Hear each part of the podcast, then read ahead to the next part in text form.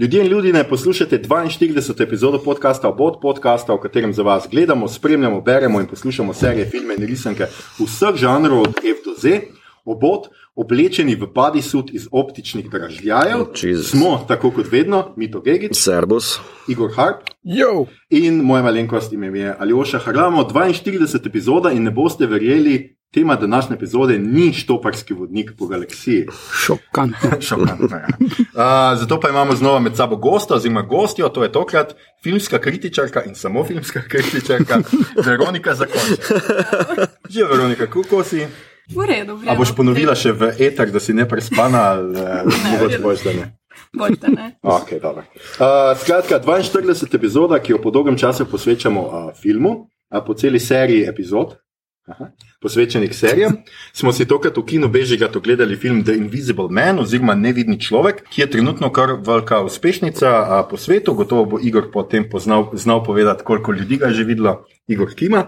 A, če ste ga torej vi- videli tudi vi, vabljeni k poslušanju današnje epizode, če ga še niste videli, pa standardno opozorilo.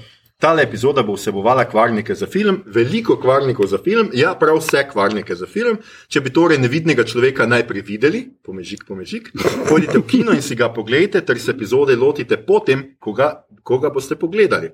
Vmes lahko poslušate 41 drugih epizod podcasta, menda ja, ne boste rekli, da ste poslušali že vse. Če pa filma ne boste gledali in nujno potrebujete novo dozo voda, pa le nastavite svoje radovedno uho.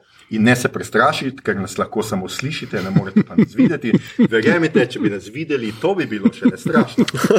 Maestro, da je un komat, se veš, unga, no? Se veš, no, no ja, ja, ja, ja. daj.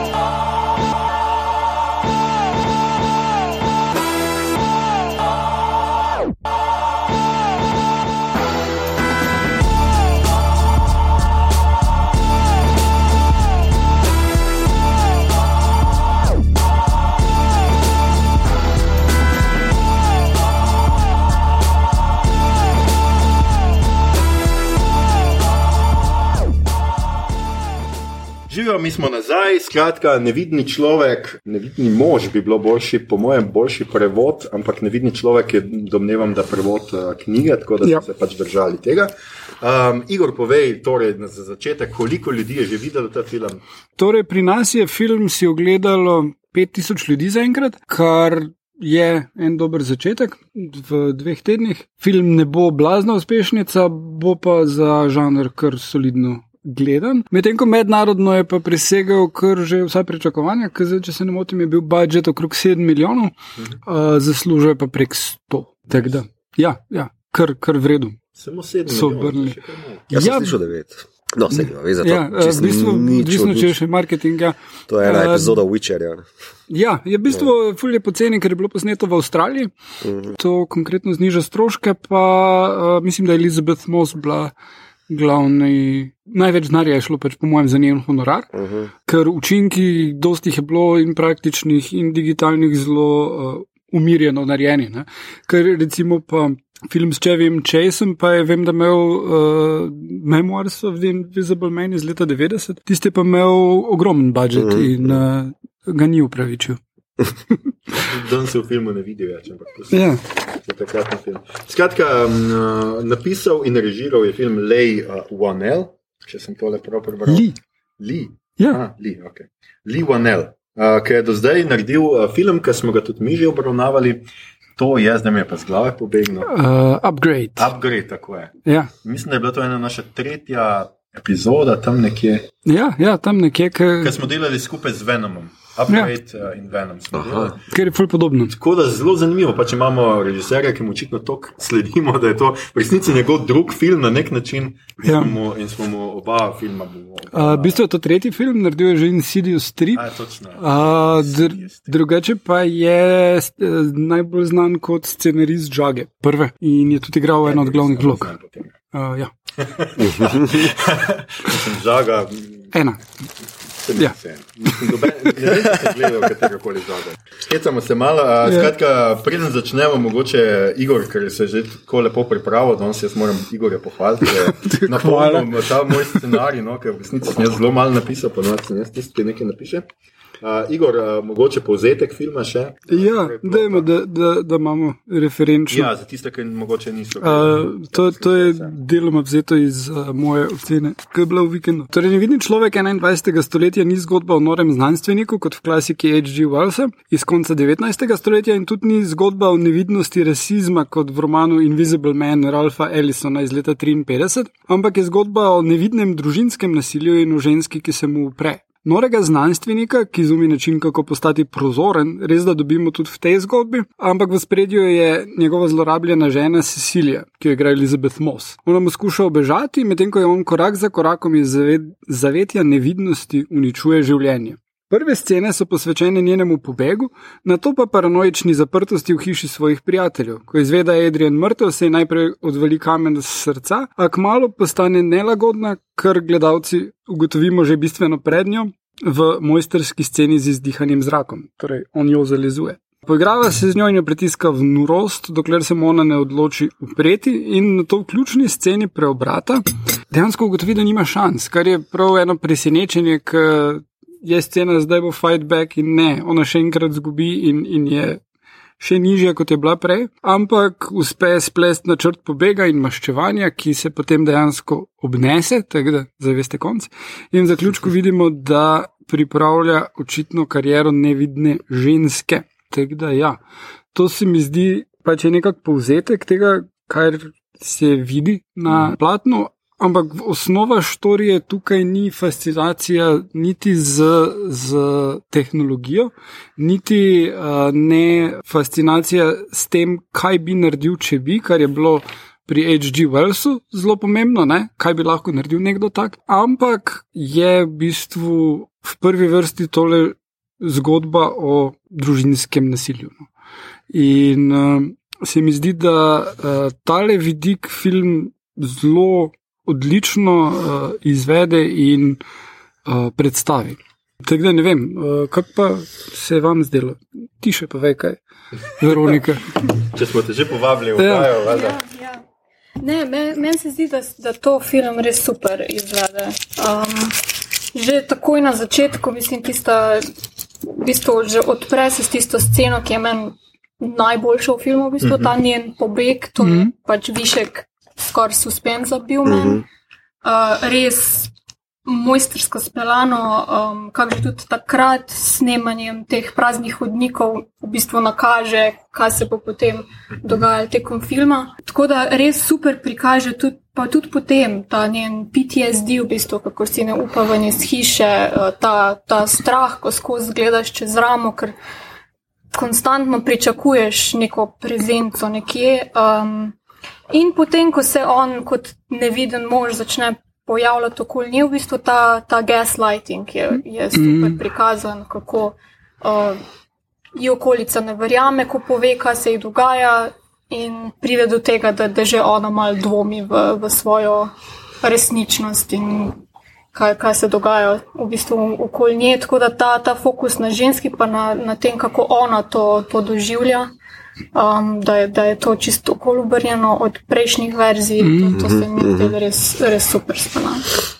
Um, ja, knjigi je. Uh, v knjigi znanstvenik ni človek, ki bi bil full pod kontrolo, ampak je glavni vir, ki si ga, kjer si je izposodil, je Jacqueline Hyde. Uh, in uh, je en dost labilen, nori znanstvenik, ki vsake toliko popeni, pa začne pač počne neke neumnosti. Ne? In uh, že začne se s tem, da on najame sobo v penzionu, kjer proba pač narediti zdravilo proti nevidnosti, si, ne? oziroma ne, proti strup, kakorkoli. Zato, ker uh, je potem, ko je namenoma si naredil nevidnega, pač ven padel in uničil uh, laboratorij in ugotovil, ups, zdaj pa ne morem se ven z tega spraviti. Mm -hmm. In uh, potem skozi celo pač štorijo ima potem še ideje, da bi. Ne vem, neko revolucijo na pol delal, vladal v svetu ali karkoli, hkrati pa ne more prepričati niti enega človeka okrog sebe, da je to dobra ideja, in na koncu ga besna množica ubije, in uh, potem se postane spet viden. Uh, uh, sploh pač, kot je tipično za Velsa, ni žensk not. Ker Pač. Uh, ne, sej, eh, dejansko, uh, ne, dejansko je razlog za to, ker Wells pa uh, njegovi sodobniki, uh, ki so začeli sci-fi, so ugotovili, da bodo delali uh, zgodbe za otroke, ampak da so dali like, ki so odrasli not. In oni so v osnovi to pisali za fantke, pa tiste, ki so fantki po duši, recimo, in se ne bojo ukvarjali s tem, da zdaj imeli ženske not, razen če pač ne vem. V vojni svetov, Da ugrabi, pa da moški jo reši in te stvari. Niti to ne, v vojni svetov je to, da bo on probo priti do nje in polk pride do nje, je že konc štorije. In ni to zdaj, uh, prišel sem do tebe, rešil sem te. Mislim, da niti ne vem, če jo prav meni tam na koncu. Samo v njeni smeri se giblje, pa vmes alieni napadajo. Tako da ja, ni žensk tam not. No, to, če smo že pri tej primerjavi, se mi zdi pač tle ta namenoma fokus, ka- kar je že Veronika omenila, se mi zdi super.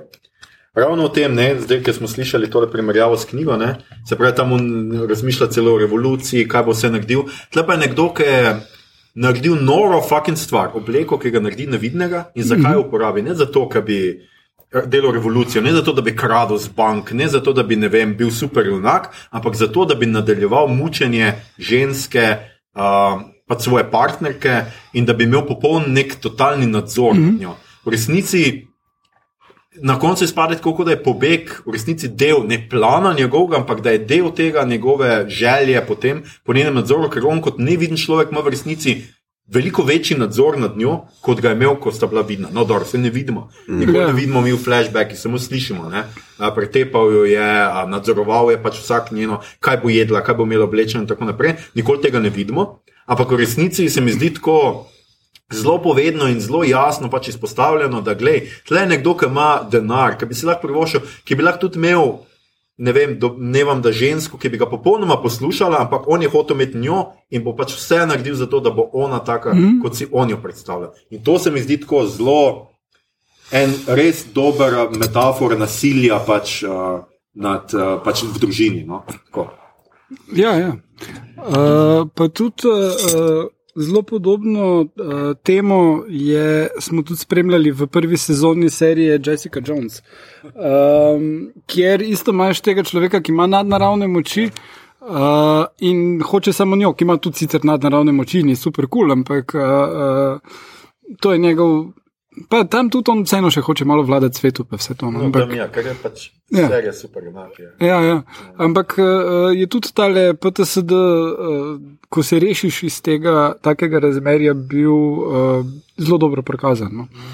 Um, se prav spomnim takrat, da sem bral uh, revije od žensk, ki so se rešile takih razmerij, ki so prav razlagali, koliko je to uh, uh, realistično prikazano. Ne. In tudi, koliko bi si želeli, da bi lahko pač tudi oni toliko prefukali ljudi, pol kot Jessica Jones, more seveda. Um, ja, uh, ima pa ta film vseeno eno par težav, ki so žanrske narave. ne. Uh, Ker vem, ko smo se pogovarjali po tem, ko smo prišli ven, zakaj gre ona gor v pod, m, pod strešje in potem še prav bere tiste svoje albume. Dobro je vedela, kaj je tam, ko je že zagledala. ne.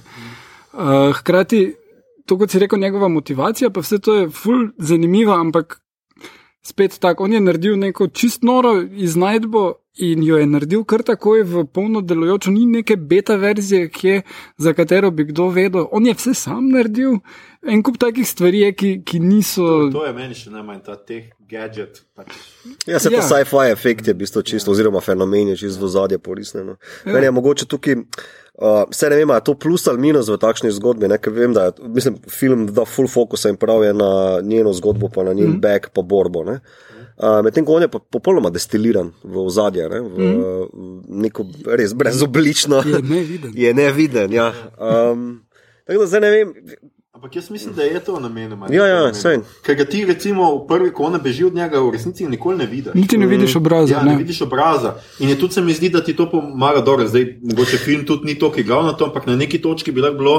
A veš, če bi ona šla ven, bi lahko bil kdorkoli uh -huh. v zadju, ker ti ga ne, ne veš, kako zgleda. Ne? In je po mojem to tudi pol, ko ga pokaže, ne vem, kaj je naredil samomor, ne vem, kaj vidiš ti, pač truplo, ki leži pa kri, ne vidiš pa njega. Njega vidiš jasno šele na koncu, ko se ona vrne k njemu.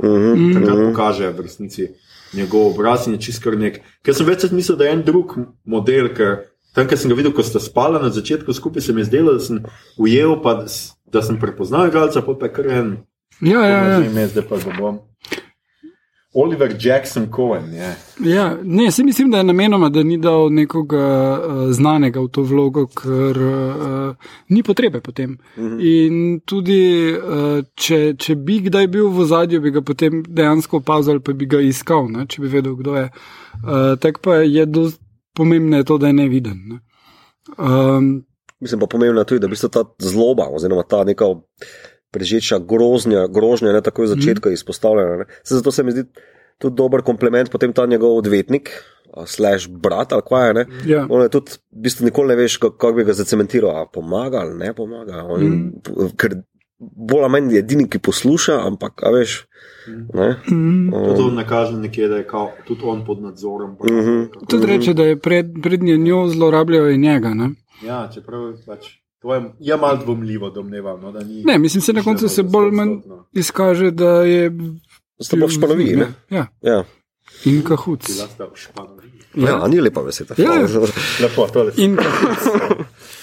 Um, ja. Ja, mislim, meni, je, meni je predvsem a, zelo hitchcockovski. No? Ta, ta suspens, tako si ti rekla, ne, je tako dobro našponan, da že lepce nisem videl v bistvu tako lepo uporabo praznega prostora, pa kadriranja. Torej, Uh, za uporabo grajenja suspenza, ki ponovadi imaš v teh ameriških flikih, v bistvu šoker, pa bla, pa ne vem kaj. Ne. Jaz sem to tudi pričakoval na podlagi trailera, um, da bo pač neka slasher fora, uh, na koncu pa se v bistvu res izkaže. Ti, mi vidimo eno uro, ne, v bistvu, uh, kdo ali kaj se, uh, mislim, prikazuje ali ne prikazuje. Ne. ja, tam vidiš, uh, tisto je full dobra scena, ko ona gre prvič ven, ko od, so odklenjena vrata in mm. stoji na terasi in mm. Zadiha uh, poleg nje. Mm, Uh, pa potem, uh, um, ko se pač stvari začnejo. mm, premikati naokrog, ker pa zgleda zelo haunted house. V bistvu učinek, ki ga uspe narediti, je pripraviti gledalca do tega, da buli celce dvom prazen prostor Ja, in išče, ja. kje je, kar je na zadnje uspelo Paranormal Activity. Pa tisto je pač po prvem filmu postalo very old, very Mhm, fast.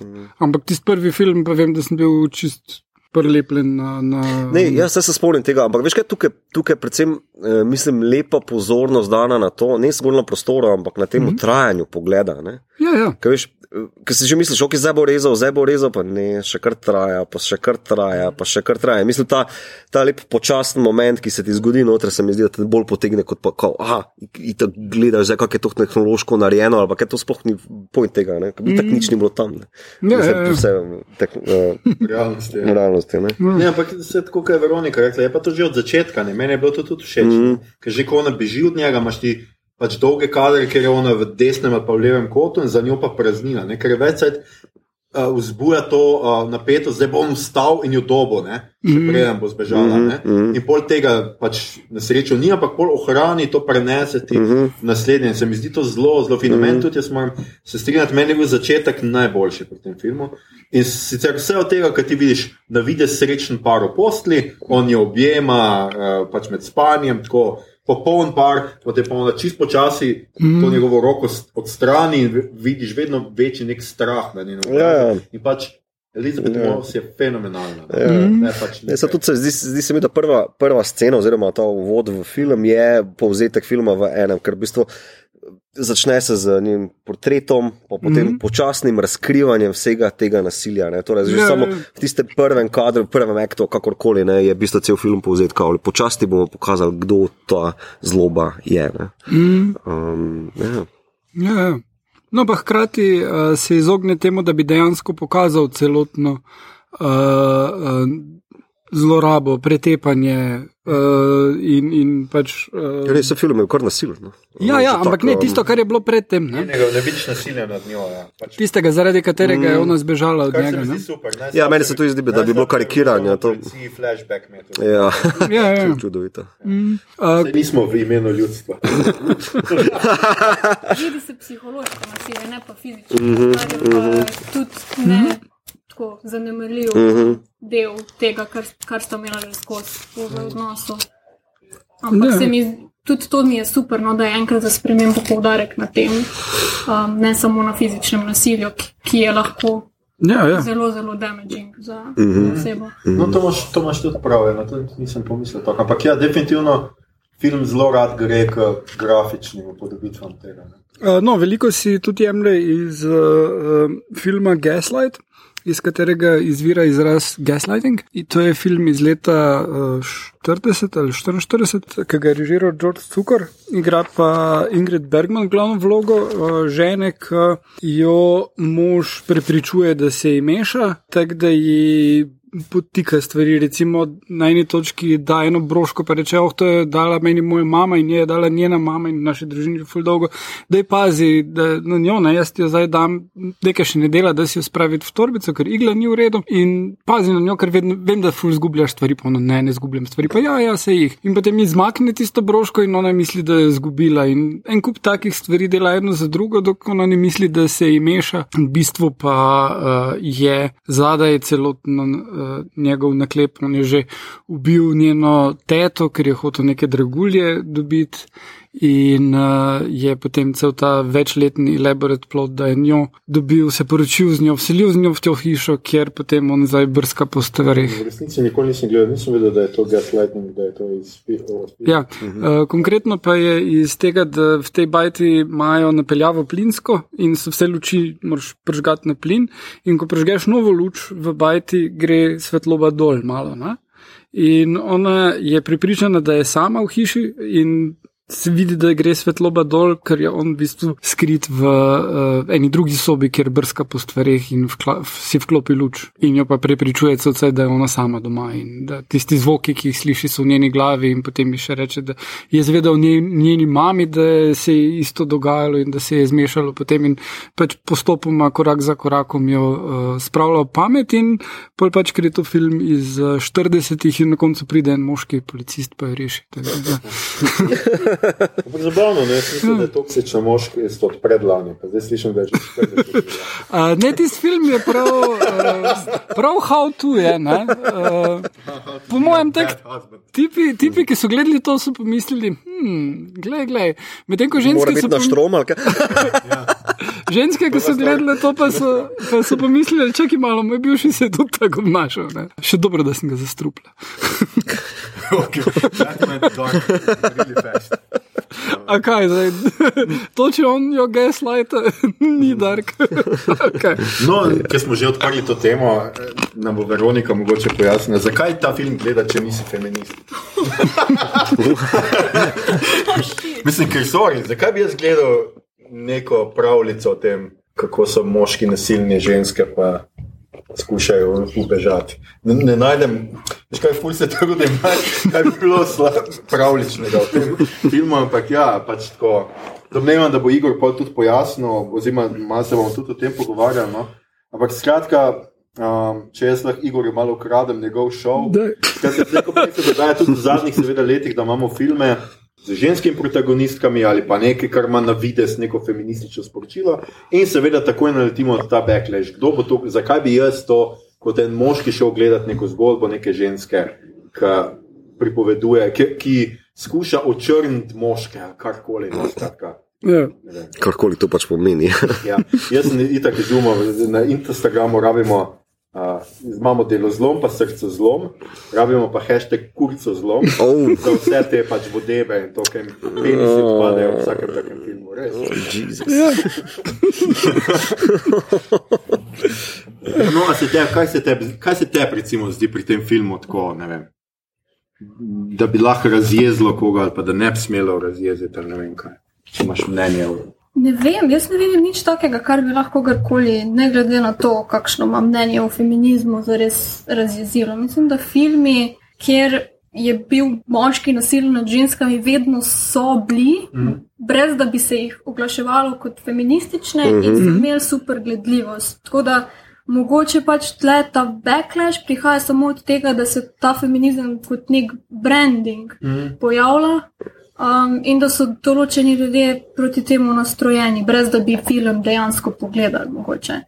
Um, ker mislim, Hitchcock je celo kariero svojo delo na, na takih filmih, Brian De Palma, mislim, to, to so že res so tra, tradicija tega Peeping Tom, ne na zadnje, tudi ena taka klasika. Mm. Tako da ta film se mi ne zdi tako drugačen, razen v tem, da ni tega vojerističnega pogleda na žensko, da, res, da, da ni, nismo mi postavljeni v pozicijo, ko bi se z njim um, poistovetili uh, v kakršnem koli kadru, glih zaradi mm -hmm. tega, ko se ust, v bistvu, ust, ne da bi njej sledila kamera, ampak se ustavlja na praznem prostoru. Mm -hmm. Tako da je malo bolj srhljivo za nas, ker se v bistvu poistovetimo z njo.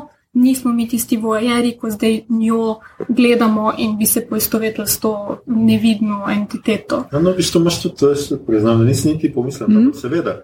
Če bi šli ene 20 let nazaj, bi točno imeli te prizore, ker mm. slišimo njegovo dihanje, mm. smo mi kamera. Pač, kamera Samo spomni se onega filma, slab sicer, uh, kaj je z J-Lo, pa uh, ko pobegne pred svojim tipom, pa, pa se ona napumpa, pa ne vem kva, pa ga prefuka doma, veš, ko on mm. končno pride za njo da bi jo, ne vem, pretepo pridi nazaj k meni. Kao, veš, v osnovi je podobna štorija, samo da je tam čist drugače zastavljena, kao noben mi ne verjame, jaz se moram napumpati, če kolegica je reče, ale, treniri pizna, široki montaže, vse skupaj, kao, ampak tam imaš njega, ki jo potem gleda iz enega kotička tam lepa, veš, tako, glih to, ne. Tukaj pa se mi zdi, da to si zanimivo rekla, umankati tam mogoče subjekt, na katerega bi ali jezo usmerjal, ali pa rekel, da je to feminizem, kaže ne levo, desno. Ne, tukaj bi to kamera kaže prazen hodnik, zdaj se pa postavi vanga, če češ.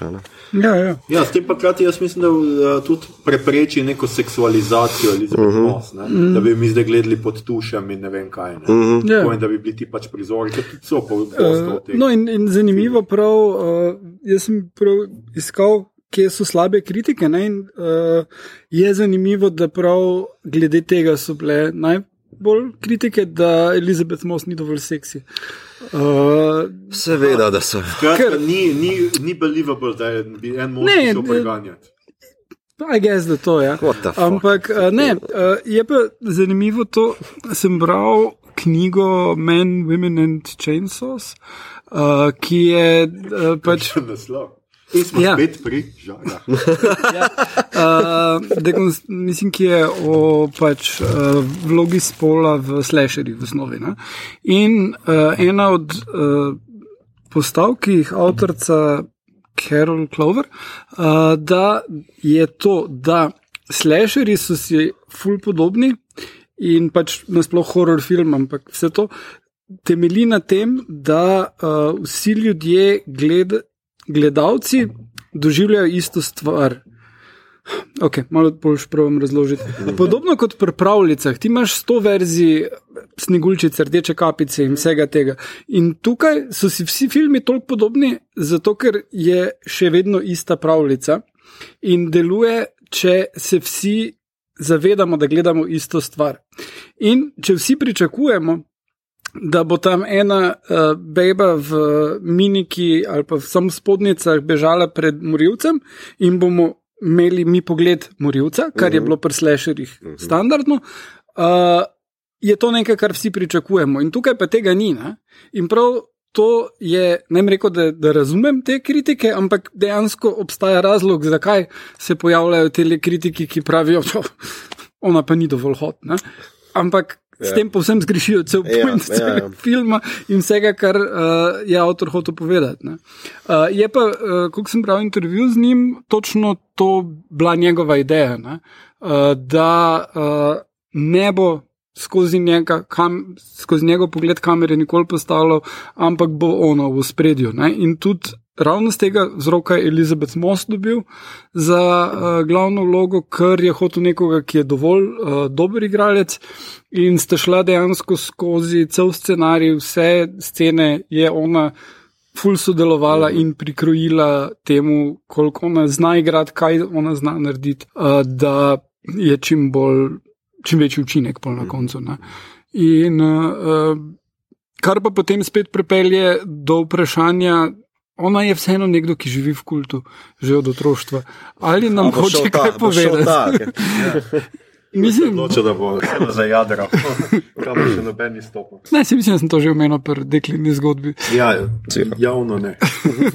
mislim, malo vseeno, ona ima en kup takih vlog, kjer proba pobegniti od nekod in jo represijem. Vsi vedno hvalijo in kako je dobro odigrala in koliko je ona ful sodelovala pri ustvarjanju tega lika in Ne vem, no. Mislim, da nihče ne bo komentiral tega. Igor, zelo mi je žal. Ne, se, Pa se ona, a je ona kadarkoli kaj izrazila preko tega.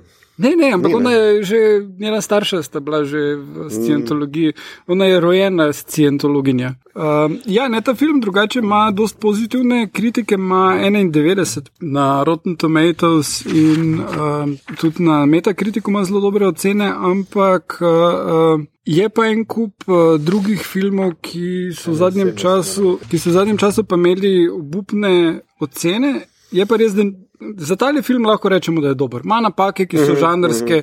Uh, mislim tudi to, da je on nenadoma full močen, uh, ko ima tisto obleko, da Pa da je povsod. no. Pa da je Mene- povsod. mene je to najbolj Mene je tudi to, kako se on transportira, Ja. ko ona gre z Uberjem nekam, kako Ja, vidiš, ti. Uberi so vse posod, ne. Ja. Ja. Ampak take neke luknjice so. No, pa tudi to, da se gre zapreti v celico z njo. Z, uh, Ja. ne? Ker bi ona sem skočila na njega, pa se je začela dreti, pa bi oni pač varnostniki Ja. ja. pa pač videli, da visi na ničemer. Mm -hmm. Ja.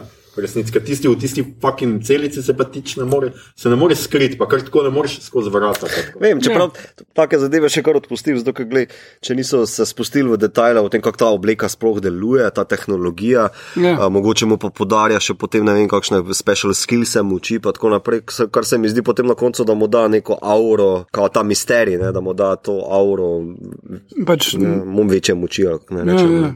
Mislim, meni je bilo to ok. Jaz imam drugi problem s tem filmom. ne, Zraven tega, super mi je, da je šel subvertirati malo žanr, ne pa kao mm. pogled, usmerjati malo drugam.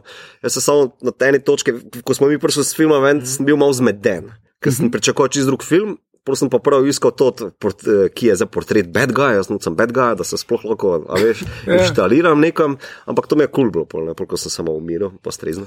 Eh, jaz, sem, jaz sem se spraševal za nekaj dni, zakaj ni film šel še dlje. Ker če film v bistvu na, načenja zelo relevantno pa težko temo, torej družinskega nasilja, pa nasilja nad ženskami, pa še posebej, da je vzel v ozir tudi ta posttraumatski vidik uh -huh. uh, v ozir. Um, Pa ta vidik, da v bistvu kao nobeni ne verjame, zakaj ne gre še globe, zakaj v bistvu ne vem.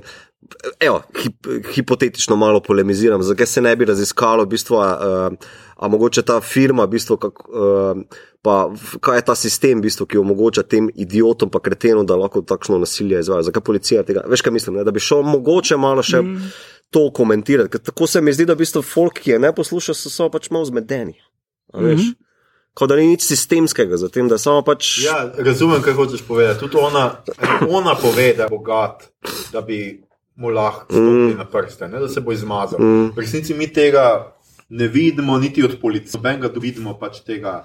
Se ne rečem, da je veliki minus, ne samo pa če ja. veš, tam so ene, ene, ene aksiomi so spostavljeni takoj na začetku, on je pač zloben per se, nasilen per se, njegov brat je nasilen per se, pa sistem je takšen, kot je, mm. pa noben ne posluša, zato ker pač noben ne posluša. Ne? Eh, In je tako malo, mogoče samo tu pa tam komentar, da bi ona, mogoče v igri v scenariju rekla, pa zakaj, ste, zakaj si blesel, zakaj me poslušaš, zakaj veš malo bolj, ne vem, se pravim, špekuliram. Ne? Ja, Kao, to bi, ker naprimer pri artu, predvsem pa žanrskih, a mogoče je to del problema, ne, zakaj se v bistvu folk na ženske režiserke ali pa uh, ustvarjalke v žanrskih filmih bolj spravlja, ker je tako pač družba več od žensk pričakuje, kao ta glupi izgovor. Mm -hmm. Jaz bi pa po drugi strani še rekel, kao pa, zakaj pa, če že imaš šanso, pet radikalno not. Ker očitno so moški tukaj pusi, ki grejo samo na pol.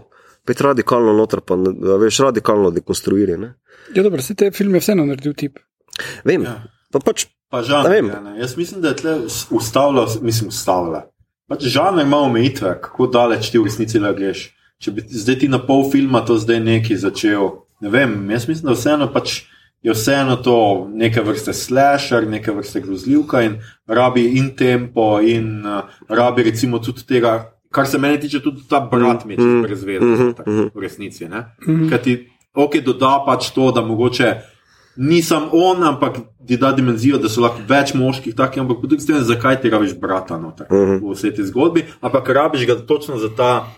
Da te spelje v napačno smer. Vse veš, smo se tudi mi dva pogovarjali. Mm -hmm. Mogoče pa se na koncu izkaže, da je mož v resnici mrtev, pa je brat, ki skuša se dokopati do bogatstva, nekaj ne vem, ja. ne.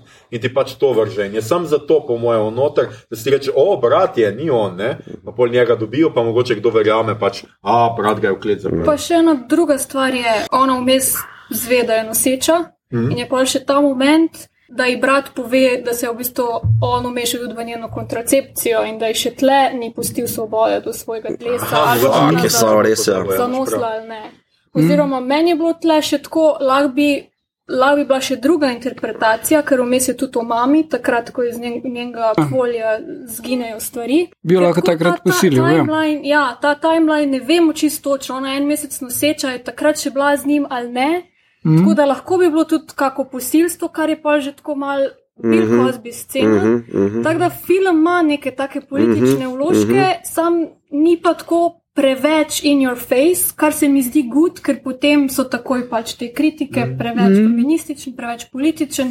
Tako je pa, ali si tako interpretiraš, ali pa gre mimo tebe in je film čist. Mhm. Štekam, štekam. um, ja. Ja, po mojem, zato tako velike ocene, ne, to, kar Igor razlaga. Ravno zaradi tega, ker ni ta in your face. Razen pač, da ona tam v unem govoru, pač na policijski postaji reče, on je prebogat, ne bojmo verjeti. Mislim, mm. zmazal se bo, mm -hmm. ti v resnici nimaš tako direkt nikjer rečeno, pač to je zdaj nasilje samo na žensko. Pač imaš nekoga z gadgetom, ki ga bi pač lahko uporabil tudi na kak drug način. Ampak tlega pač na ta način, recimo, uporabi. Ne? Je se le, preko si omenil, ne, mi smo že prej komentirali, v bistvu tehnologije za nevidnost ne moreš drugače kot uporabljati kot z v bolj ali manj zle namene, razen v enih ali pa dveh. Jaz imam dva primera, ampak da je en primer, ne, je pač, eh, da res. Da razkrivaš tisto, kar, bi mor, kar želijo, da ostane nevidno. Ne? Ja. Torej, rečemo, vladni šit, korupcija ali pa ne vem, kaj novinarju daš tako. To je super. Ne. In pa te še dobiti ne morajo, kot so Assange, ker si ne viden. Točno to je. Ja. Naprimer, ne? Očitno si pač res lahko transportiraš, kamor se hočeš. To ni problem. No, kaj pa je drugi? Uh, Ja, to imam na koncu za. Aha, Mi to si je celo prebral scenarij, to kar Ja. ne morem, da verjamem. lepo mi je, lepo, vse to prav. ja. um, Zato ga pišem. A sem subvertiral pričakovanje. Ja. um, ja, ne, to, to uh, zelo zanimive uh, Mislim, sem, če smeri pelje. Ja, ja, seveda. kar se tiče tega feminizma, pa to, da se ženskam v bistvu bolj kritizira. Kao, zdaj, te filme, ki si jih ti tle napisal, noter, Ptice Evropa, Rice, Terminator, Dark Freight, Charlie Angels, črn bože sploh ne poznam. Black Christmas. Ne, ne, ne, ne. Ja, lani je. No, za one prve tri, ki si jih napisal, meni so to poprečni filmi. Pa bi lahko Saj. nekako še kritike rekel, da no, okay, dobro, pa se razburješ nad zelo poprečnim filmom. Get a life ali kaj ne. Sej, veš. ne, uh, fora je v tem, da če imaš enako poprečen film, kjer so sami tipi noter, mm. bojo vsi rekli, ja, to je žanr. Ne? Če pa imaš uh, ženske v spredje, pa bojo rekli, ah, to je sam feminizem in so mm -hmm. pokvarili, ubili so mi otroštvo z Terminatorjem. Ne? Dober. Ja. Ne moreš, da verjameš. Ali pa uh, pač na en kup stvari, ne tako tu. Elizabeth Moss ni dovolj hod, za, za ptice roparice je tudi to bila ful pogosto, da ja, zdaj pa Harley Quinn ni več za. Jaz pa mislim, da vem. kulturno gledano, da, da je mogoče film, kulturno, da smo na eni točki, kjer bi lahko v bistvu to vrstne vsebine šle radikalno noter, glede zato, ker so, a veš, ker je malo odprto, ker v bistvu kao pet all in, razfuki mm. vse pizda. A veš, kaj veš, kaj so zgolj, let's see. Od kam vzati, veš, to me zanima. Kaj če bi v- v takšnem žanru ali pa filmu, Ni to revolucionar. Kot nevidni mož iz Ozadja. Ja. Um, ne, ja, to me zanima, ker kao, ja, očitajo ti, da je to feministični žanrski poskus. Kao. Ja, ovne, ta šit, razumeš? Mm. Pet radikalno not. Jaz tle mislim, da Mislim, se ne reče- o, o, o spektaklih, ki jih tudi studiji vodijo. Jaz dvomim, da bi studio dovolil, pač kar je to neko. Ja, no, mislim, gledaj, po drugi strani spet si imel Return of the Jedi, kjer je to zelo premišljeno Ryan Johnson izvedel vse skupne. Uh, in si imel sporočila glede kapitalizma, in si imel sporočila uh, glede rasizma, in hkrati je studio dal porge, pa še ono kristalno lisico na koncu, mm. gledajte, igrače, se vseeno, kaj bi kritiki si bundli. Mislim, obstajajo simbioze. Jaz mislim, da bi se dalo tukaj radikalno kaj novega napisati. Ne, kao, pa sej, ne me narobe, razumeti, ta, ta film je v žanrskem smislu v bistvu pomaknil, pomaknil ene mejnike. Ne? Vsaj mm. za me, no, jaz nisem tako po, podkovan v tem, da vem, suspense hororju, ne? Ampak. Um, Zakaj ni? Ja, ja pač cvikam preveč. Kako mož kot mene. No, ampak pač ne vem, meni je to eno zanimivo vprašanje, ker pač ja, očitajo žensko, zdaj da pač ja, feministi. Ja, delajo, šur, še več, prosim. Ja. Pa še bolj hardcore. Tako da pride v mainstream. Pač zelo parih, v zadnjih parih letih je bilo par takih filmov, ne vem, dve leti nazaj na, na Lifu surovo, če je kdo gledal, uh -huh. Raw, ko v bistvu ženska poje svoje ljubimce. Uh -huh. Um, potem The Nightingale je bil lanski od Jennifer Kent, ko je potem The Baba Duka posnela. Pa Prevenge mi je bil en tako odštekan, ko je v bistvu Ja. visoko noseča ženska, ko, ko je v bistvu njen otrok še ne rojeni, jo pripravlja do tega, da ubija moške. Tako da ene par takih zelo zanimivih Uh, pa, zelo se pa, ne prebijajo. uh, bil je še tudi tisti, kaj je bil Revenge ali kar Revenge, ja. tudi. Tisti je tudi bil Ja. zelo, zelo močen. Ne vem, če ste vidva gledala. En, en ženska, ki jo posilijo frendi od njenega tipa in potem se odločijo, da je boljš, da jo ubijajo in je ne, pol pa ona ni. Se mislim, da smo ga imeli, ja, na lanski. Uh, Menjali smo ga. ja. Ja, ker zato, ker mislim, glede na to, kateri novi režiserji, v bistvu, pa režiserke se pojavljajo, ne, da, eh, in Pil, pa uh, Aster in tako naprej, ki v bistvu z tem žanrom zelo zanimivo delajo, pa razmišljajo. Ono, pet, v zanimivih časih smo tako, da mislim, da bi tu lahko, kao, če se potiska dovolj naprej, pa ne ozira toliko zdaj na neke fucking ocene na gnilih uh, paradajzih. A veš, mislim, Sej uh, Jordan Pilu je uspelo z, z Get Out, recimo, glih to, da je šel proti vsem pričakovanjem. Noben ni vedel, film, to, eh, kak film bodo dobili. Ne? to, to. Uh, tako da, uh, ja, mislim, da je še veliko prostora, vsekakor pa mislim, da, da morajo, bi bilo vredno, da bi avtorice dobile več prostora, da povejo kako zgodbo. Ne? Ja, vse to, veš, To da se jih, mislim, pričakujem od vsakega, da bo tako šel v kino gledati, kot pač mi, da pač ko nima veze, kdo je zdaj podpisan. Um, Od spod, da pač če dobro dela, dobro dela, če, subvertira- če subvertira žanr, pa ga potisne naprej, je to majka za vse, nekako. Ne? Zdaj pa če se. Od... Zdaj ljudje ne nočejo subvertiranega žanra. Kaj pa hočejo? Ustaljenega. Ja, hočejo iste filme. A ni to Mlakužica. poanta- A ni to narobe, kar je Star Wars je narobe? Ker niso isti filmi, ki so bili prej. Ja, no, za me ne. Ja, seveda Jaz sem razpižen, ker folk meni govori, kot to ni več Star Wars. ti hočem povedati, za večino pa jim je, oni Ne, bi gledali en in isti film 500 krat. Potem pa imaš najbolj uh, absurden primer tu vse, uh, sred vsega pa je Ghostbusters, ki dejansko je isti film kot Mhm. oni prej, samo ker so ženske noter, da Smo zdaj še le skušali, da je film, v resnici ni to. Samo film na pol ne funkcionira, ne, če smo že pri tem. Ampak, ja, ne, se to pri takih Ghostbusterjih eskapadah je pa itak zgolj to, drugo ne more biti. Ja. Mislim, ampak ta prav film nič niso uničili, da je dobesedno Ja, ja, ja. skoraj da identičen film, samo da so one punce. No. Ja, ne vem, no, ne vidim može na spletu, ubijajo ali kako. Je Vse je, ena velikih kuk našega časa so anonimneži a ne? in njihovo mm -hmm. kritiziranje, vse povprek, za- zato ker ima ženska krmilo v roki in pač počne, kar mora, pač, režiserka početne. Ja, ja. ja uh, jaz bi še omenil, da, da se pripravljata dve nadaljevanje, oziroma uh, zdaj tele Universal Monsters, oni so imeli. Plan, da bodo naredili nekaj, kar bi se imenovalo Dark Universe in bi bilo tako kot Marvel Cinematic Universe. In so naredili Mumija film in imeli že planiranega še ne tri filme dalje z uh, samimi superstari. Um, Bolj so rekli, kaj pa če ne. Uh, Mumija je bila za nič, uh, zelo. Na celi črti ni, ni, ni bilo nič strašnega. Not. Mm. Bil je akcijski film s Tomom Cruzom, Ja, ja. pa Sofija Butela, ki je bila ta naslovna mumija. Njena motivacija je bila weird, pa mislim, da je bilo režiserju Cocet glavno, da jo bo imel v enih par frpantih samo. In to je bilo to. Je pa bil oni kul cool efekt, ko so se jim oči razdelile, da so imeli dvojne zenice not.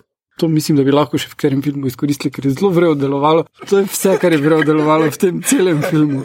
Absolutno, Ja. ja. to še kdaj kje uporabljali. Ja. Ja. Pomir se vrede. Omni popile, to če. Uh, no, skratka, potem so se odločili, da bodo raje probali z uh, niz, nizkoproračunskimi filmi, ki niso povezani v univerz ali karkoli. In Lee Wayne, uh, ki je prišel tja, da bi se pogovarjal o Upgrade 2, se je pol zmenil za ta film. Zdaj pa. Se, mislim, da s tem IP-om je res bolj še tako delati na nekih Ja. neodvisnih individualnih bazah. Mislim, mumija pa nevidni mož, pa kaj še Frank, pošast Frankensteina, pa kaj še. And Hyde, pa Phantom iz opere. Swamp Thing, ali kaj že. Ne, ne. ne. Swamp Thing je pa DC. No, mislim, to so, to so res food universe. Če Ja. ja. to Dark Universe, nekaj ostane v Darku. Vse, vse.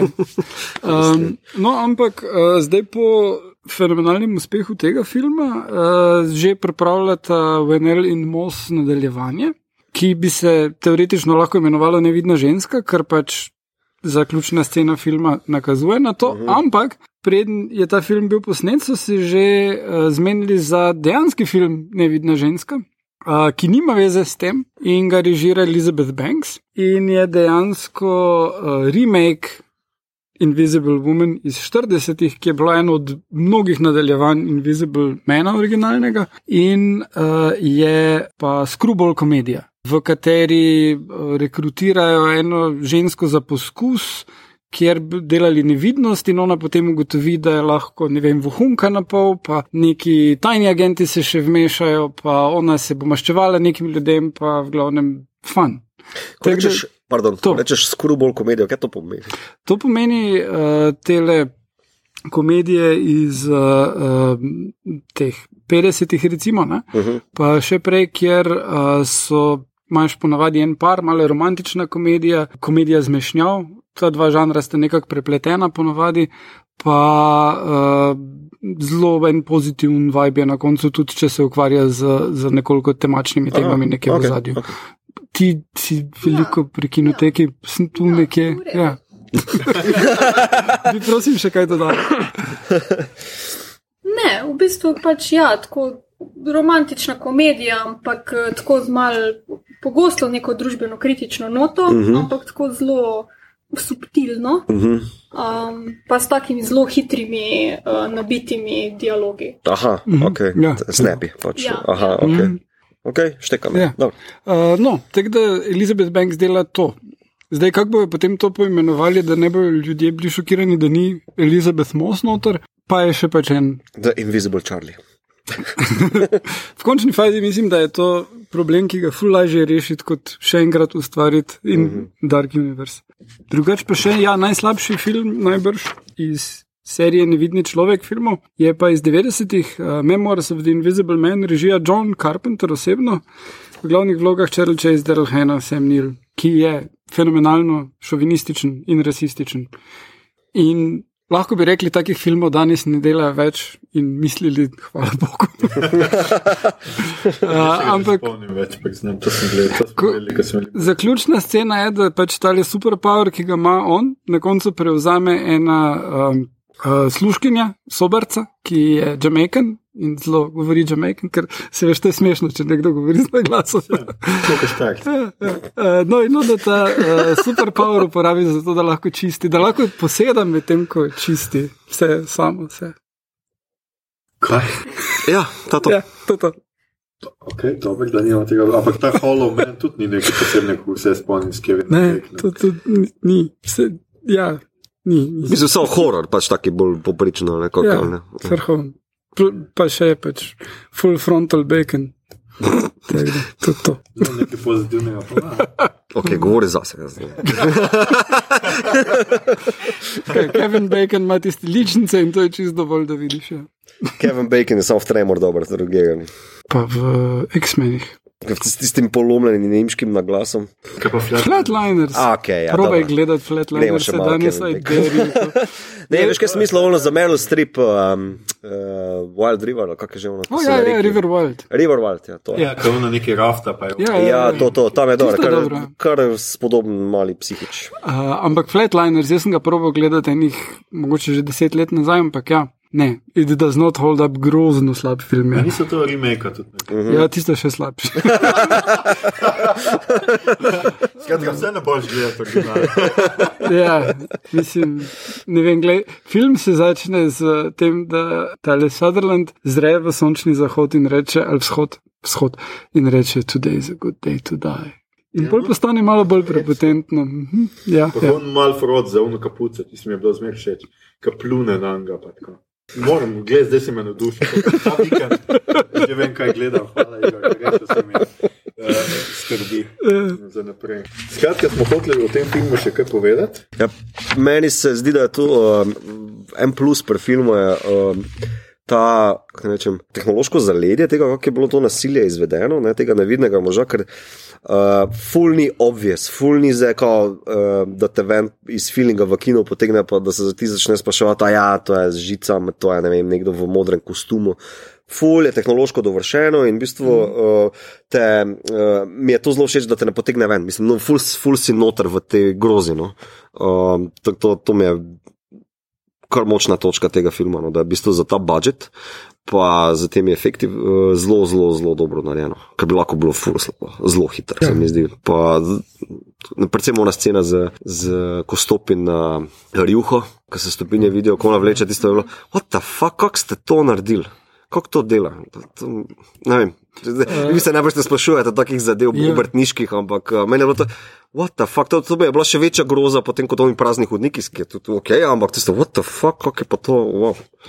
Uh, še eno vprašanje imam za vas. Koliko vas je presenetila tista scena, ko prireže vrat sestri? Kar, kar, kar lep feeling varnosti, ti da, ko ja, dajmo se na javnem nekem yeah. prostoru dobiti, pa pa, aha, ja, of course, hidit, of course. tista meni je čisto, kaj, kaj, kaj, kaj se je mm. zgodilo? Ja. Pa ful je tak trenutek, da, da uh, če gledaš doma, boš pogledal na telefon, kaj se dogaja, ali pa šel kaj tam. Ker zdaj je na izi scena, mhm. -huh. one dve boste se malo mhm. pogovarjali o tem, ona jih bo prostila, razložila je bo, kaj je scena, plen bo ta naredili, kak zdaj dalje. In tako ne, Tuf, te vrže čist. Ja, zelo hipno, pa, ampak dobro narejeno. Tako je. Ja. Caka, caka, noš je tam in konc. Ok, imaš še kdo kaj za. Gremo na kaj gledamo, beremo, poslušamo.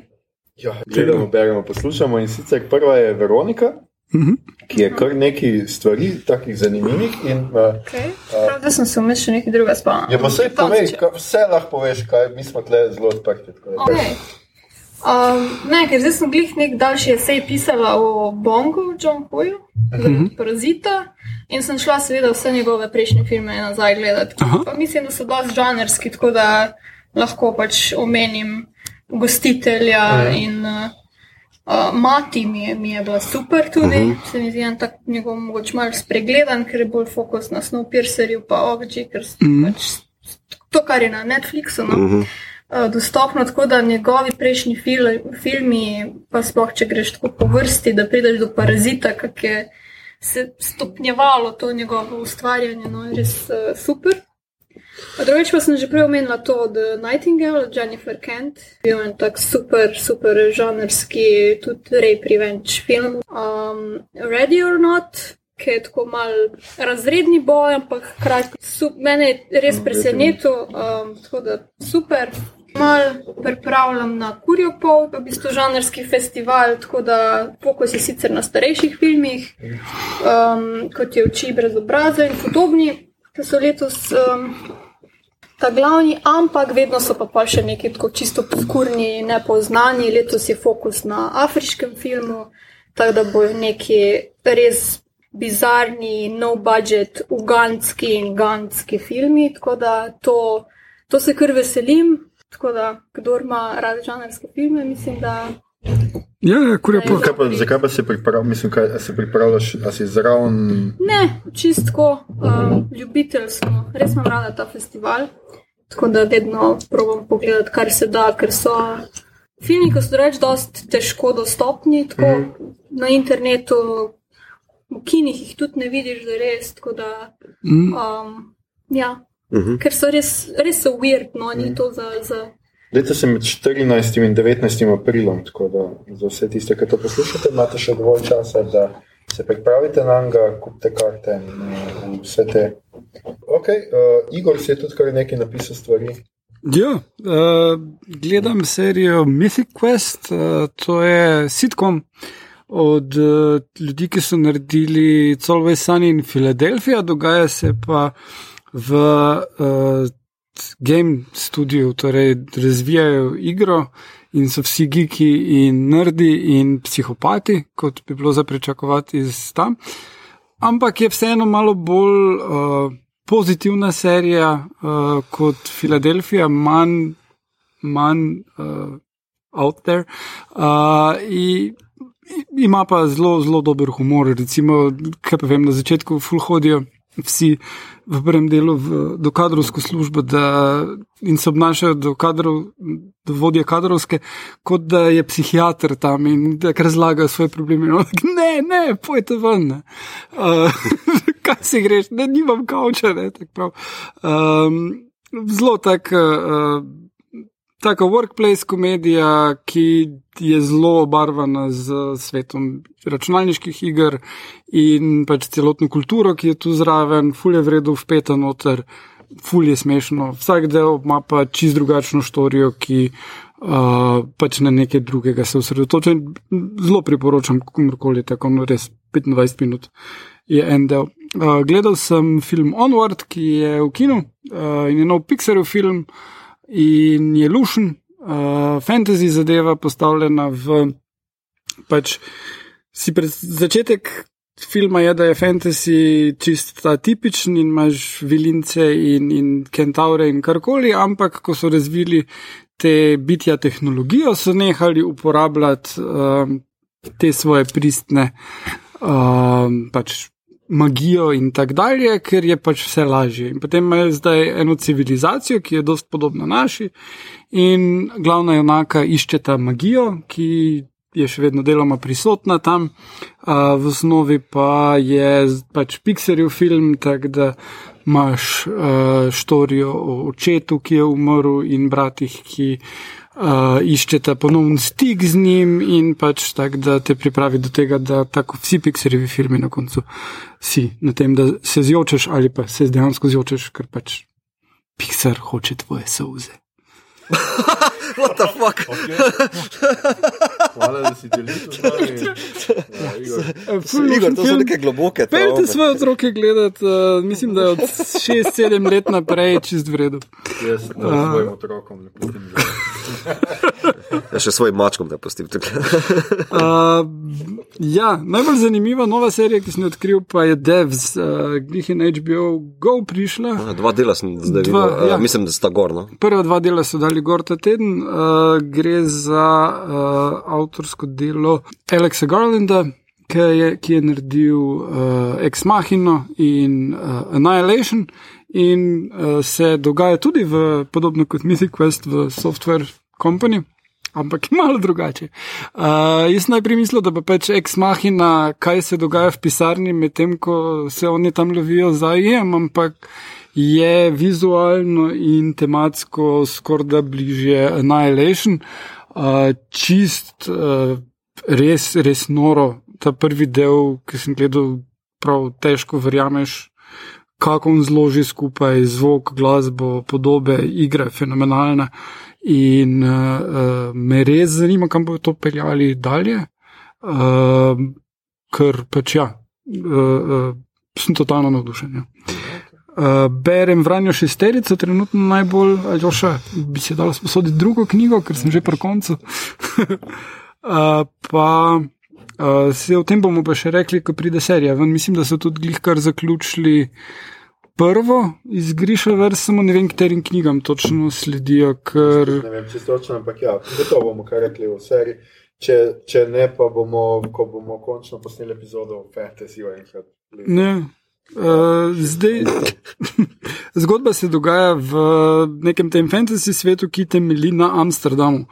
Uh, v času, kaj te zvem, 17. stoletje, 18. stoletje, uh, imaš magijo, imaš tudi pištole in loke. In uh, kar je weird, uh, je, da so glavni junaki dejansko stari, najstarejši 18, obnašajo se kot odrasli ljudje, ampak uh, posledično imajo vsi zelo problematična otroštva in um, pač grejo na neko misijo. Mhm. Fantasije. tako da, Ja. Vedno mora iti na misijo. Uh, pa glih, kar sem uh, začel poslušati plato od Grimes, Myth, Miss Anthropocene. Uh, Plato, muska. Muska. Aha, Ja. okej. Uh, Grimes smo že parkrat omenili, ker ima eno plato, ki je od Juno, tale je pa očitno Odisiju, ki ima noter New Gods, pa Dark Seed komade in uh, v redu je glasbeno, mislim, da je njena najboljša do zdaj. Uh, nisem še čisto spel vseh teh gigovskih stvari not uh, razvozlati, ampak uh, lepo zveni, Ok. okay. meni njena glasba. Okay. Ja. Mi to imamo neke nenavadne uh, Kaj je zapiske? franšize, ali kar poglede. mi to- Uh, ja, jaz sem pa imel Dino Week, torej pogledal sem vse Jurassic Parke za nazaj. Uh, Oprosti, ampak zakaj? pač zato, ker sem dolge ure fural za računalnikom, pa mi je bilo glih neki vmes prav. Nekaj neartikuliranega. Ne, ne, v bistvu so zelo artikulirani, ampak ne, um, nekaj, kar poznam, pa naravim za full intelektualnega napora noter delati. Um, Velociraptorji v tretjem ali delu so že kar tako. V vsakem. Ne, mislim, da je Annihilation še enkrat vmes pogledal. Tako da to uh, Tina ga je dala gor, pa smo pa kar rekli, nač, začnimo, pa smo vsak večer kam gledali, vse veš, kam gledali. koliko, koliko je zdaj že to film? To je pet filmov. Um, Šest, tri, devet let. Ja. tako da. Ne, pa tudi vmes na en, eh, na en video, esej na baso, ki je vizualna komparat, mislim, primerjava med uh, Spielbergovim pristopom uh, do velikosti v Jurassic Parku pa zdajšnjimi, uh, Cool. Trevorjem. pristopi. In so ful drugačni in se zelo vidi, eh, kako se v bistvu na velik, prikaz velikosti teh živali eh, hitro lahko poruši, če ne veš, kaj delaš. Mhm. Uh, ker lahko mot lahko rečem, da je zadnji peti Fallen Kingdom uh, full tehnično dovršen, pa CGI je ne vem kaj, bla bla, levo, desno, mm. ampak tudi Spielbergov to prvo je čisto na nivoju, za svoj čas še danes drži. ne. Ja, ja, ja. Uh, ampak kako je uh, Spielberg pristopil do tega, kot do tega velikega misterija, zdaj smo obudili nekaj, kar je 65 milijonov let, Ja. ja. bla, pa to so ogromne živali, kako je on počasi si vzel čas, pa kako je to posnel. Mhm. Pa zdaj, ki je tako malo rokohitrsko narejeno, s- to me je zanimalo malo na te intelektualne ravni, drugače pa ja, pač. Ne se malo žrejo, pa kao ta groza. Pa mislim, da bi bilo primerno, ker smo v neki paniki, ne. Uh, pa sem si bolj včeraj rekel, kao, ja, sem, mislim, da je glih primerni film za to paniko, ki jo trenutno doživljamo, kao, ker največja panika je tisti, ki so sami delamo, veš, kao. Ja, ja, ja. ja tako da. Ta genski Ja, pa je, splicing. so zdaj, kaj prejšnji teden so baje naj bi prvič prišli do res do, do dinozavrskega DNK. Mm. Mhm. Ker naj bi se ohranil od nekih dinozavrov v neki lobanji, če sem prav razumel. Uh, Ura, jutri. Tisti šort si gledal? En kratek film, je, ki je postavljen vmes med Fallen Kingdom in prihajajočim, kakorkoli bo imel naslov.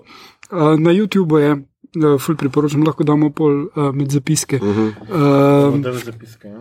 Uh, zelo vredno je, bistvu pač dogaja se v nekem, uh, na, zem, mislim, da je camping ground uh -huh. in ena familija je in ful se ima fajn, in potem pride dinozaver mimo in naredi celo štalo in se skrijejo, ampak pol prije še en dinozaver in se stepeta in razfukava njihovo uh. prokolico naokrog. In, Ja, sem res film za matra, ker zdaj so pa prvič res vrženi uh, večje število njih, ne kar v. Uh, Torej, naš svet, ali kako Ja, ja. kako bojo to pobrali, kako bojo snemali to, ne? oziroma kakšna bo sploh zgodba. Ne? Ker do zdaj so bili vedno ne, nek otok, neki so bili zajeti, neki, mm. kjer jih lahko na pol kontroliramo, ne? Kljub temu, da jih ne. Bla, bla. Uh, ja, bolj sem pa pogledal še 36 Chamber of Shaolin. To pa je za vsakega kung fu navdušenca uh, mus. Uh, sem skušal ta teden. Tudi to je. Ja. Um, sem pa začel malo gledati te kung fu stare filme, ki so na Netflixu se prvo naslovu pojavili, uh, eno teh je tudi ta. Uh, pa en dokumentarec Iron Fists and Kung Fu Kicks, uh, ki je zgodovina fenomena kung fu uh, hongkonških filmov. Eh, In zakaj so tako popularni bili v Ameriki, predvsem pri manjšinski populaciji. Um, in potem, kako so tudi potem že kasneje v 90-ih začeli drug drugega vplivati, ne preko hip-hopa, zopet nazaj v Hongkong in tako naprej. Tako da tam sem potem pobral tale 36 Chamber of Shaolin, za katerega lahko zagotovo trdim, da brez tega filma ne bi bilo Dragon Balla, pa Kill Billa. Zato, ker je to prvi kung fu film, ki je uporabil logiko kot underdoga, ki ni neki folklorni lik, uh -huh. um, ampak um, mu ne vem, sprefukajo zavojevalci iz ne vem kere province, kao mesto ubijajo fotra, on pa ne obvlada kung fu, on se mora šele naučiti kung fu. In gre v šavline in gre skozi, prvič imaš v kung fu filmu pokazano montažo, kako nekdo trenira, kako nekdo ne, tam v neki pepel ali kajkoli pač eh, meče pesti noter, zato da potem na koncu svoj revenge porn izfura. ne, tako da, Uh, priporočam. Sliši se izjemno. Um, ja, jaz, ne vem, jaz imam očitno dosti bolj dolgocajten life. uh, jaz sem pogledal, zdaj končali so se Criminal Minds, je serija, v kateri sem najdlje ustrajal in trpel. Ker v resnici je prva sezona še kar ok, druga je že malo slabša, vse ostalo je za noč. Čakaj, Ker sem začel 15. o, oh, Jezus. 15 ampak sem pogledal vse, ker sem dečko. Trp, trpljenje na dolgi rok. Ja, ja, vem. wow. Čakaj, ko si začel to gledati, si bil še najstnik. Torej. Ne, to ne. Jaz sem tako Mislim, da dol- je bilo že par sezon. Jaz sem tako dolgo to je- stino skupaj. Ja, to je moja, to je moja prva serija, ki sem jaz tako uh, gledal kontinuirano. Zdi, mislim, da sem začel z, s to, pa še z enimi, valjda par, uh Mhm. -huh. X-Files pa nekaj tako, da smo pogledali od prvega dela. In, tako. Aha, ja. uh, in ja, pač ni. Ni v redu. pač taka proceduralka, tečna, pač na koncu se jim zgubi. Ampak tako, kot sem omenil pri Mindhunterju, veste, lingo imaš že noter, pač oni govorijo unsub, govorijo pač tako, vse te trigger, pač, ki jih imajo, vse te besednjake, je očitno resničen. Ja. Res nisem vedel, ker sem gledal Criminal Minds, je pač v Criminal Minds. No. Uh, uh, kaj lahko pogledaš, koliko ur si porabil za to, vodi svojo aplikacijo? Ne To upaš. lahko. to lahko, ampak ne bom ta trenutek. No, pogledal sem pol tudi uh, miniserijo Dead Waterfall, štiri epizode, z, uh, kar je pač not, uh, zdaj sem hotel reči Keradin, ki me je mito zunim, David Tennant. Uh, in pač jaz pogledam vse, kar kar ga David Tennant. In za to serijo moram reči, da je čist gledljiva. Mislim, štiri deli so tako, da ni, da zdaj izgubite neki blazno cajt. Mi pa ne vem, kaj je v resnici, kar precej zafrkano tistega trenutka, ki ti pač serija te pripelje do tega, pač zgodi se, to sem že omenil v eni prejšnji epizodi, požar, uh, umreta mama in dva otrok, tri, otro, tri otroke, tri hčerke, preživi samo mož. Uh, in potem, seveda, najprej vsi mislijo, da je mama, ker je v depresiji, ne vem kaj, potem pa sum počasi pade na moža, zato ker je pač on imel ene uh, zelo take tudi ljubosumne izpade do nje in tako naprej. In uh, pač tisti trenutek, ko začneš pač sumiti neko špuro, mislim, da na koncu drugega dela je pač konec serije v resnici in sam čakaš, da bo konec. Uh, in se noč ne premakne, noč ne razvije, uh -huh. noč ne zgodi in tako. tako. Uh, in pa začel zdaj spet pač gledam še eno serijo, ki mi ni tako dobra, ampak pač, ker sem začel gledati. Gledam, to je pa osma sezona Homelanda, uh, kjer pač zdaj so ravno dosegli premirje med Afganistanci in Američani in uh, pač ta, talibani, vsi so pač zdaj happy, ampak zdaj so ravno se streljali ameriškega predsednika v helikopterju dol. Tako da ne vemo, če je mrtev, če je živ. Kerry je že 26-tič dobila še eno šanso, čeprav vsi vejo, da je zmešana. Uh, spet se skriva pred svojimi agenti, pred tujimi. Rusi so jo pač na pol zdaj zgleda, da jo pač pridobili na svojo stran, a da je izdala neke stvari. A se je pa ta ruski vohun zaljubil vanjo, karkoli. Pač je. Blowing. Kok, kakšna, kakšna res. Žajfenca je ta serija. Res Absolutno noro. No, Čakaj, ampak eno vprašanje, ali so bliže kakšni dvojčki not? Ne, v dvojčko pa še ni bila. To, Oh, ta, ta, to pa še čaka. Skratka, pač to gledam, no, kaj naj, bog mi pomaga. Uh, in, in to je to v resnici. No. Okay. um, jaz sem še pozabil, sem pogledal drugo sezono Genialne prijateljice in je toliko dobra kot prva. No, no, vidiš. In ja, vsekakor. Jaz še nisem, bom, bomo to tudi. Ja. Si pa bral knjige, ne? Ja, iz nekega razloga sem jih moral prebrati. ja. Dobro, to je to. To je to. To je to. Ljudje in ljudje, to je bila že naša 42. epizoda. V njej smo se trije nevidni agenti in ena novo pečena agentka pogovarjali o filmu Nevidni človek. Poslušali ste torej podcast, ki se oglaša na ime Obod, podcast za serije, filme in risanke vseh žanrov od F do Z, ki ga gosti Reža Apparatus. Z vami smo bili Mito Španovija Gegič, uh, Igor Pixar, Pixar hoče tvoje solze. Uh, Aljoša, ne morem, da verjamem, hramo in uh, Veronika in your face za konec. Uh, tole epizodo smo posneli v kinogledališču Bežigrad, ki se mu zahvaljujemo tako za prijazno gostoljubje, kot tudi za vstopnice za film. Naj živi kino uh, gledališče Bežigrad že pet let, čestitamo. Uh, v tokratni rubriki izbira oziroma vprašanje pa je, kaj bi na, to, najprej naredili, če bi bili nevidni. Igor, V bistvu nikoli nisem tako o tem razmišljal, ampak um, kako da ne vsak otrok razmišlja, kaj bi bilo, če bi bil neviden. Kaj bi naredil? Ne, nisi ne nikoli- vem, po mojem bi še več TV-ja gledal, če bi me vprašal, ko sem bil otrok. Ja. Ker bi pač moral starši reči, da moraš iti spat, ampak bi A še Ja, pač ti pa TV gledal. Ja. Ampak no, zdaj, pa če, zdaj, ko si odrasel, mislim, upam, da ne še več. Ne, ne, uh, zdaj mi tega ni več tako zanimivo. Uh, ja, po mojem, mislim, tista mitova ideja ni tako slaba, da bi kakšne te vladne zarote uh, probal razkrinkati, ker res mnenja, da ne obstajajo, ampak da vse to, kar mislimo, da so zarote, je posledica enih, enega sosledja. Nesposobnih ljudeh na preveč odgovornih položajih. Tako da to je nekaj, kar bi me zanimalo, če imam prav. Ali pa, če bi, ja, veš, kao, bliz, um, probo podtakniti, kao fake dokaze, da pa so te zarote, pa se čez par let ful smejati tem Facebook skupinam kreteni. Ja, ja, tako kaj že uh, uh, un komik, ki je imel, da v bistvu ideja, da, da svet je toliko pa toliko star in kako bi to razložili dinozaure, uh -huh. da jih je Bog potaknil tja, da preveri našo Ja, ja, vere. vero Ja. ne, in da pač trikster god. Gača, cvri se v peklu. Mito, kaj bi ti naredil? Jaz bi jagorom nagajal. Jagorom bi nagajal. Ja, ja. Veš, fo- fora lova je, da v bistvu kao ti počas hodiš po sl- slovenskih hostah, pa imaš population control, kako oni temu rečejo, oduzem iz narave. Jaz bi pa jih nazaj v glavo jebo, ne vem, kamenčka, v- ne da bi jih pobijal daleč od tega, ampak samo pa če bo v glavo. Paranojo nabijo v nulo. Evo, to. Zelo pacifistična. Veronika, ti? Jaz bi po moje prepotovala svet, ker se lahko na vsak javni prevoz pretiho tapiš, v hotelske sobe, če so prazne, noben ne ve, da si tam. Um, plus, da lahko prepotuješ tudi tiste države, ko bo boč drugače, če si ženska, pa potuješ sama, ni najbolj safe ali pa prijetno, tako da bi lahko bila tam čist brez skrbi. Oh, ok, nice. To je zelo lepo rešitev. Mislim, edini problem, ki tu vidim, je, da no, ni vlaki v Indiji, ko tako že vsi gor, kam se pol stlačiš. Ja. Po mojem, poleg uh, onega, ki vozi, strojevodje. Ja. Evo. On ima zihar dost placa tam. Ja. To se mi zdi kul. Je pa res, da ne moreš naročiti room servisa, če si v sobi, v kateri misliš, da ni nobenega. Ah, naročiš sosedno sobo, pa jim greš krat. Vidim, da je nekaj premislil že. Fant, tale na šigar, ja. No, jaz bi mogoče šel pogledat kuhinje restauracij, kako pripravljajo hrano, ki nam je delala. Oh. A bi, Ja, a jaz, bi. sem, jaz sem mal mazohista, mogoče da vidim svoje najljubše restauracije. Da, se odločimo, še kdaj jem tam ali ne. Kak bi pol handlal, ko ne bi imel kje za jesti? Ne, si pa si sam kuhaš, vse ni. Eh, Life je zelo predvidljiv. Tak, pol, pol bi on per se postal neviden človek, doma sam kuha, a veš. Vseeno.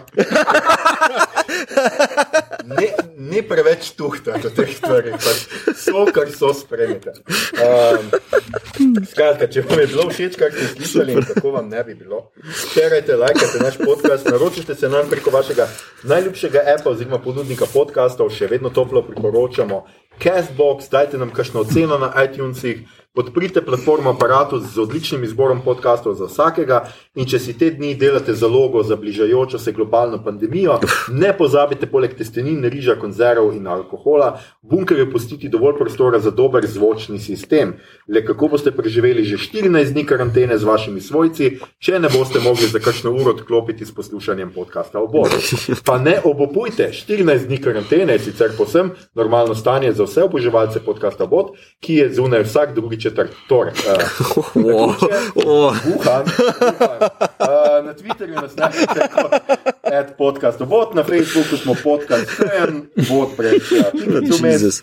Tako je tudi na Instagramu, tja delimo rajcere, prikolce, druge zanimivosti. Tja lahko smerite vprašanja, pripombe, komentarje, optične prevare, predloge, kaj bi za vas pogledali naslednjič. Sicer se pa slišimo spet k malu, že čez dva tedna, natančneje 24. marca, če sem prav pogledal na Ja. koledar, ko boste predvidoma lahko prisluhnili 43. epizodi, ki bo posvečena, posvečena seriji The Outsider. A to je tisti del, ki je še nepredviden, da se razumemo. 43. epizoda zagotovo bo, nas ne more ustaviti niti konec sveta. Obodovke in obodovci se slišimo in poslušamo, če preživimo. Lord,